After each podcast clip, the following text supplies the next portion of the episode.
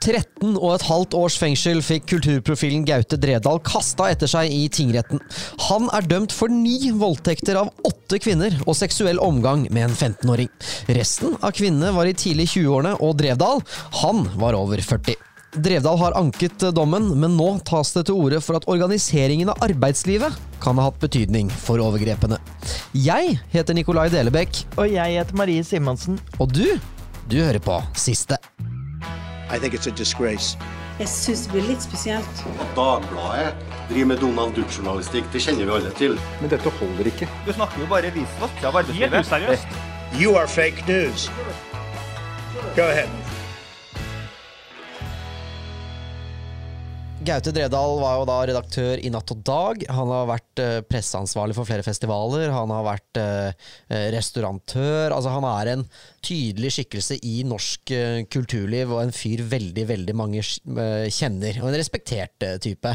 Eh, og så ruller dette her opp, da. Eh, han har da hatt eh, seksuell omgang med åtte kvinner, eh, ni ganger uten at de har gitt ham tillatelse til det. Det er snakk om sovevoldtekter, det er snakk om eh, rusvoldtekter. Han har gitt MDMA til en 15 år gammel eh, jente. Deretter så har han jo innsja da på sex, og så har de hatt sex 15 år gammel.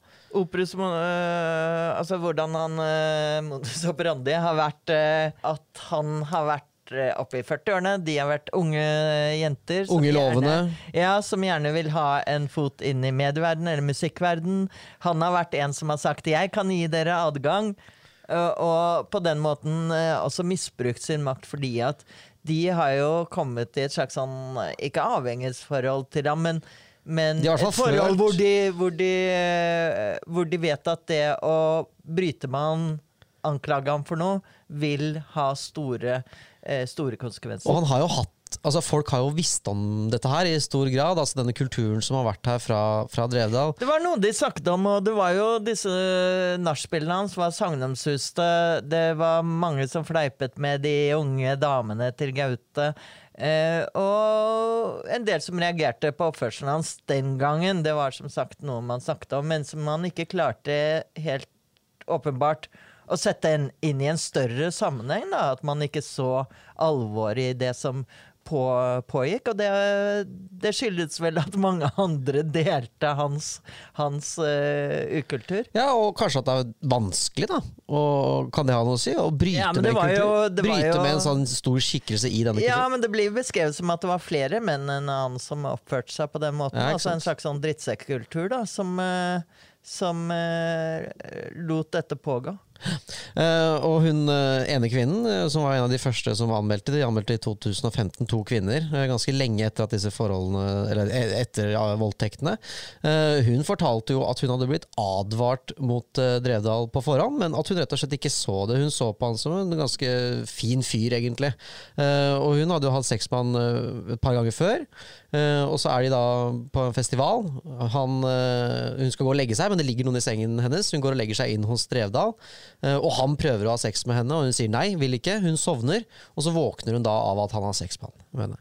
Det er, eh, det er en eh, helt klassisk sovevoldtekt, og det er jo mye blandingen av dop og overgrep mens eh, kvinner er forsvarsløse, er jo også en litt sånn klassisk jeg, jeg tenker liksom at mange har dette bildet av voldtekt fortsatt som at det er en overfallsvoldtekt. Det er, uh, I parken, ja, unge kvinner som går hjem i parken, og så kommer en mann, kaster seg over dem i buskene og drar dem inn i buskene. Sånn på, foregår det jo ikke. De aller fleste vo- voldtekter skjer jo mellom eh, folk som kjenner hverandre. I, I rettssaken så var det ingen uh, fysiske bevis, men, uh, men han ble rett og slett dømt på vitneutsagn fra disse som anmeldte, men også hadde de dratt inn 50 vitner i, i Det var ganske mange vitner, og det var uh, overveldende. Han har sagt i ettertid at, at retten så bort fra sentrale bevis, Ja. eh, men eh, Det var jo ingen bevis. Det er jo, det er jo antagelig det han sikter til. Da er det han mener er hans egne påstander. som Dere ser da- bort ifra mine påstander! Som selvfølgelig ble prøvd i retten, men da avvist og ikke funnet uh, verdig. Så, Så det, det er jo ganske en omfattende og meget grundig dom. Men som sagt, han har anket den, så den er ikke rettskraftig. Nei. Og han mener jo da at han er utsatt for en eh, mobbekampanje, rett og slett. Massiv ryktespredning, sjalusi, hevn. Og så i tillegg så sier han da at media og metoo-kampanjen har bidratt til å skape falske minner hos disse, disse kvinnene. Jeg, jeg må jo si at eh, måten han har fått et gjennomslag i media etter denne dommen, er jo et ørlite indikasjon på Tenk dere hvordan eh, han da hadde eh, oppført seg den gangen han var en stor og mektig mann i kulturlivet. Så jeg tror de hadde all grunn til å frykte at, eh, at kritikk av anklager mot han ville bli slått hardt tilbake på. Men i dommen så blir jo nettopp dette eh, en del skjerpende omstendigheter. Selvfølgelig det at han hadde makt, var eldre. Eh, men også det at han ikke tok noe Han oppførte seg som om ingenting hadde skjedd etterpå. Det ble også eh, omtalt som, eh, som skjerpende omstendighet. Og, og at han har påført disse kvinnene ekstra belastning ved at han har påstått at det var konspirasjoner, og at de er funnet på dette. Så, det, så dette klarte han i hvert fall ikke å bevise. Det er jo heller ikke unaturlig at disse kvinnene har snakket sammen. Vi skal eh, dykke litt dypere inn i et avhengighetsforhold, altså hvordan disse kvinnene har hatt dette avhengighetsforholdet til eh, Drevdal. Kari Christensen eh, hun var redaktør i eh, Natt og Dag Trondheim og kjente miljøet miljø godt. Anorakk-avdelingen, som hun Ja, hun selv- skriver- selv beskriver det som. Hun understreker at hun ikke var en del av dette festmiljøet i Oslo. Men hun beskriver en eh, ukultur som også strekker seg utover miljøet i Natt og Dag.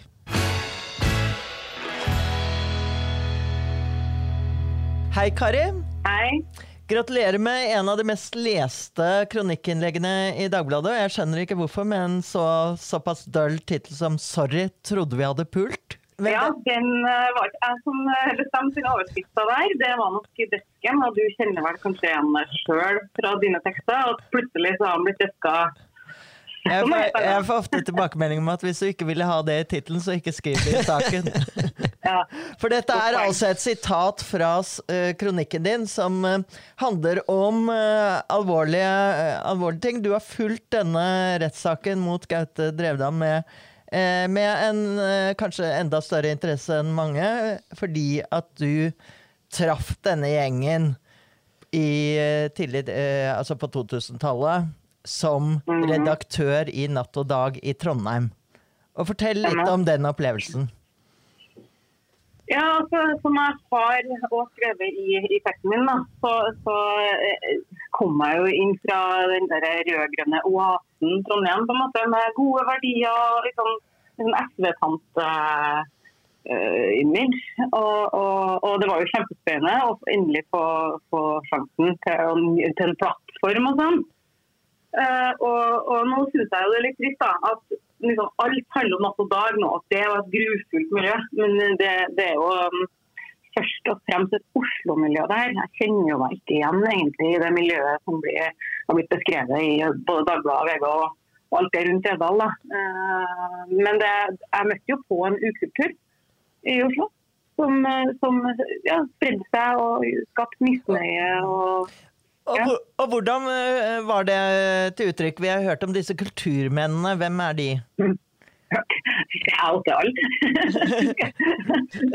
Hvem er de? Altså det, det, det er jo menn innenfor media og kultur generelt. Uteliv. Der, der jobber han folk på nachspiel, og det er mye rus inne i bildet. Natteliv. eh, først og fremst et uorganisert arbeidsliv.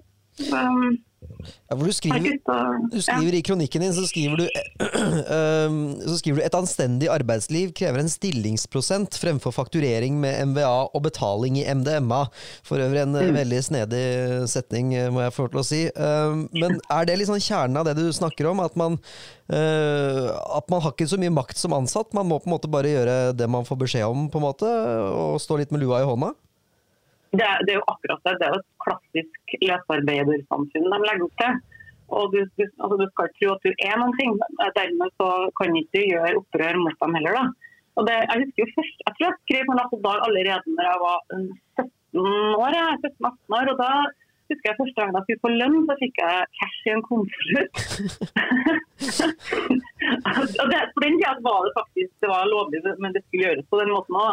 Men det, det er jo, problemet er jo at jeg hadde et redaktøransvar, og da har man jo et personalansvar. Uh, og, og når redaktørene sjøl må fakturere, man får et budsjett, og så er det budsjettet så tight at uh, det blir gratisjobbing på folk. Og, og ja, det, men, noen har jo tjent seg rikt på det her. Noen, noen eiere har jo tatt ut masse profitt. Og, så ble, og dette er litt av det som beskrives i denne ukulturen, som ikke bare handler om seksuelle overgrep, som det her er eh, kommet frem i denne saken. Det handler jo da også om maktmisbruk eh, i forhold til unge mennesker som skal inn i inn i arbeidslivet, og særlig i denne mediebransjen, hvor det er hardt å komme innenfor. Og hvis du har ett ben innenfor der, så er det veien videre, og derfor utnyttes det. Ja, det jo helt riktig. Og, og det var, det var ei fra det gamle miljøet da, som, som uttalte seg litt i denne diskusjonsforumet, den selskapelige, om at øhm, eh, det var ikke lange veien fra den første skrivejobben til nachspiel hjem eh, hos den nevnte kulturprofilen. Og at den plattformen hun ble lova videre eller at dette er jo plattform, dette er, du har ny arbeidslivet, dette skal eh, være plattformen din.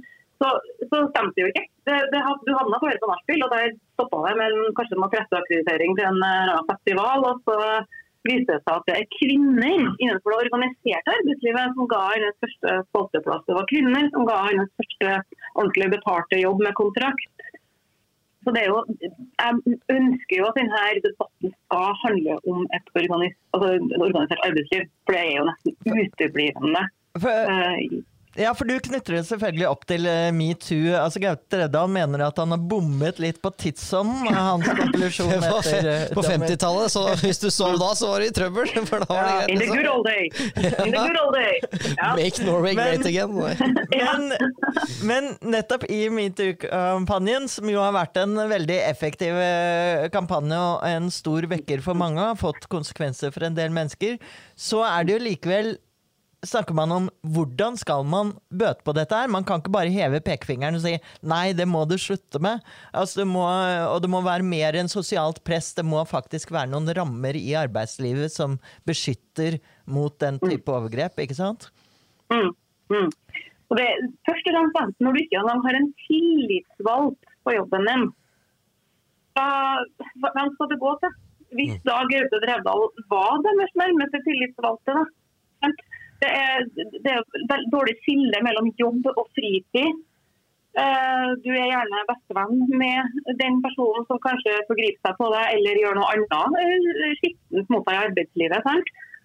Og du er livredd for å, for å miste både jobben og nettverket og bli kanskje dumma ut fordi du sa fra, eller eh, Og det, da, da må vi tilbake til gode, gamle fagbevegelsen. Og kanskje det høres traurig ut liksom, å, å, sitte og, og eh, synge Elinors vise sammen med tantene i fagbevegelsen, men det føles jo litt bedre enn å våkne etter å ha blitt ufrivillig penetrert av en kulturmann uten å kunne si fra om det. Jeg spør deg om en ting. Om, eh, Ja. du, du har et, eh, et annet sitat her som jeg også bet meg merke. For du hadde møtt en eh, gammel var det tidligere studiekamerat eller en tidligere kollega som du hadde vært og, og møtt i, i Oslo, uh, og som sa til deg at, uh, at husk at det er jeg som skaffer uh, jobbene i Oslo. For det første så vil jeg bare skyte inn at det er jo ikke sant. Jeg har fått jobb, jeg aner jo ikke hvem det er, men jeg har fått jobb, jeg, liksom. Så det går an å få uten å omgå han. Men, men hva, hva slags følelse sitter man med da? Altså, hvis du kommer inn både metoo, men også dette løsarbeidergreiene. Hvor, Hvor stor, eller hvor liten føler man seg da, liksom? Veldig liten. Jeg fikk sånn her 'either you're with us or you're against us'. Litt sånn, eh, ja. Da, nei, man føler seg veldig liten. Og i etterkant, da, når man har sett hvordan det har gått med alle sammen, og hvordan det har gått med seg sjøl, så tenker jeg at nei, nå føler jeg meg litt større igjen. Og kanskje han føler seg liten. Men eh, det tror jeg hadde trengt å bli sånn. Og så utvikler den kulturen seg videre inn i NRK, Dagens Næringsliv og si noe spesifikt rundt noen av. Men sånn, de folkene det er snakk om på 2000-tallet, de har jo nå gått videre i eh, nye stillinger. Og hvis de har med seg den ukulturen videre, så er det ganske Jeg skjønner hvorfor det har tatt lang tid for de damene å, å, å anmelde. fordi at de, Når er man trygg nok til å kan anmelde noe sånt? Da må man stå i en fast jobb sjøl og ha makt sjøl. Ikke sant? Hvis det, er, eh, hvis det står mellom eh, å si fra eller fast jobb, så kanskje man nøler litt. Grann, I tillegg til den utestengelsen som du snakker om, den sosiale utstengningen. Men du sier noe som jeg også tenker er en eh, viktig oppfordring. For du beskriver jo, og det er flere beskrevet, at dette var noe alle visste, at Gaute Drevdal drev på den måten. Hvorfor sier de ikke fra? Ja, Det er jo et spørsmål. Jeg tror det er mange menn nå som sitter i tenkeboksen, for det første. Eh, Jeg fikk melding fra en som absolutt ikke var en del av den kulturen, men en som har sagt sjøl når metoo satte i gang, at, eh, at eh, vi, vi skjønte ikke bedre på den tida, og nå er vi redd for at det kom frem mye tull fra Vi var i tidlig 20-årene og veldig altså, veldig fuktige, veldig fuktige lag. Da. Altså, jeg tror nok det er mange som tenker hverken skal jeg gå ut nå, skal jeg gjøre det? Og så snakker de kanskje litt med hverandre i sine egne manneforum. Jeg, tror nok, jeg, tror, jeg, jeg håper og tror da, at det kommer frem og stemmer etter hvert.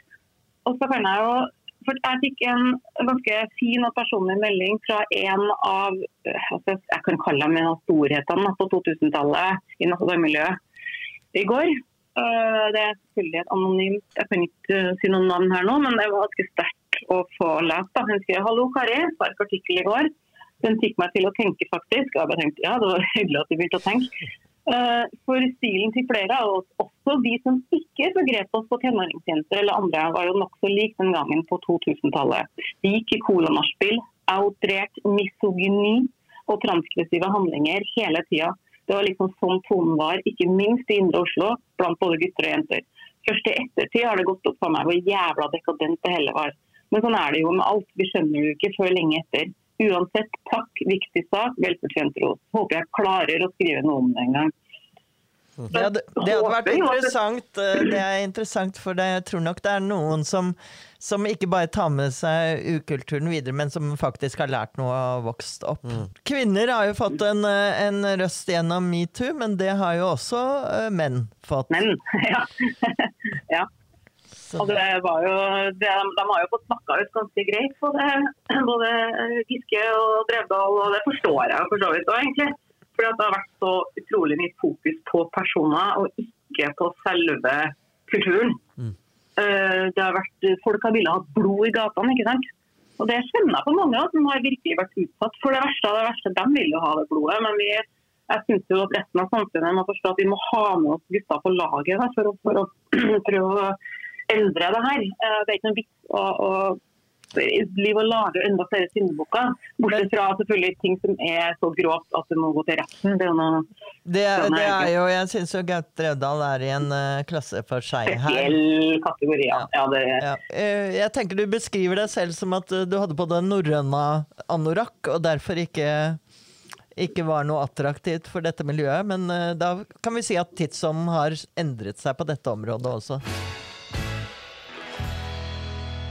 Uansett om denne kulturen har smitta over i større redaksjoner som f.eks. Dagbladet, NRK, eh, Aftenposten, Skipsted, hvor som helst i norsk mediebransje, eh, så vet vi at det er en, et stort bruk av, av vikarer, midlertidig ansatte, tilkallingsvikarer, frilansere osv. Unge mennesker helt på starten av arbeidslivet, og som, eh, og som eh, møter mennesker som er, har mye makt og posisjon overfor dem, og mulighet til å ødelegge ganske mye også, eller i hvert fall kan man, kan man tro det. Så det, eh, jeg syns denne saken også illustrerer på en uh, forferdelig måte, selvfølgelig, uh, at, eh, at metoo handler om makt og ulike maktforhold, maktmisbruk. Eh, når man liksom snakket om, Husker du i begynnelsen av metoo at det er ikke lov til å gi en klem nå lenger? Mm, ja. eh, det handler ikke om det i det hele tatt. Så, så det er jo viktig at man ser at eh, måten å bekjempe dette på er å organisere arbeidslivet på en måte som det er mulig å si fra, og at man er beskyttet mot slike overgrep, og det er man ikke i dag. Men lar det seg gjøre å organisere arbeidslivet på den måten når økonomien i spesielt mediebransjen, også kulturbransjen nå, eh, er så pressa som den er? Jeg tror all oppmerksomheten rundt metoo og nå denne saken her også har eh, tvunget det frem, at det blir helt nødvendig. De vil få spørsmål om det. De vil bli eh, stilt til ansvar. De vil for all del ikke ha en slik sak igjen. Så det tror jeg det, det er ikke noe man kan eh, skylde, korona på. Jeg husker Linda Hofstad Helleland mente at vi ikke kunne ha grønt skifte heller pga. korona. Så, så det, sånn kan vi ikke holde på. Dette er helt grunnleggende rettigheter som alle må fortjene å bli beskyttet når man går på jobben. Vi har en litt uh, dårlig nyhet, Marie. Ja, Den eh, gode nyheten for meg er jo at jeg snart går ut i ferie. ja, det er det for mange Den dårlige nyheten for dere er selvfølgelig at uh, podden også tar ferie. Men så har vi en veldig spennende og god nyhet til dere i august når vi er tilbake. Så ha en fantastisk eh, god sommer alle sammen. Vi høres i august. God sommer.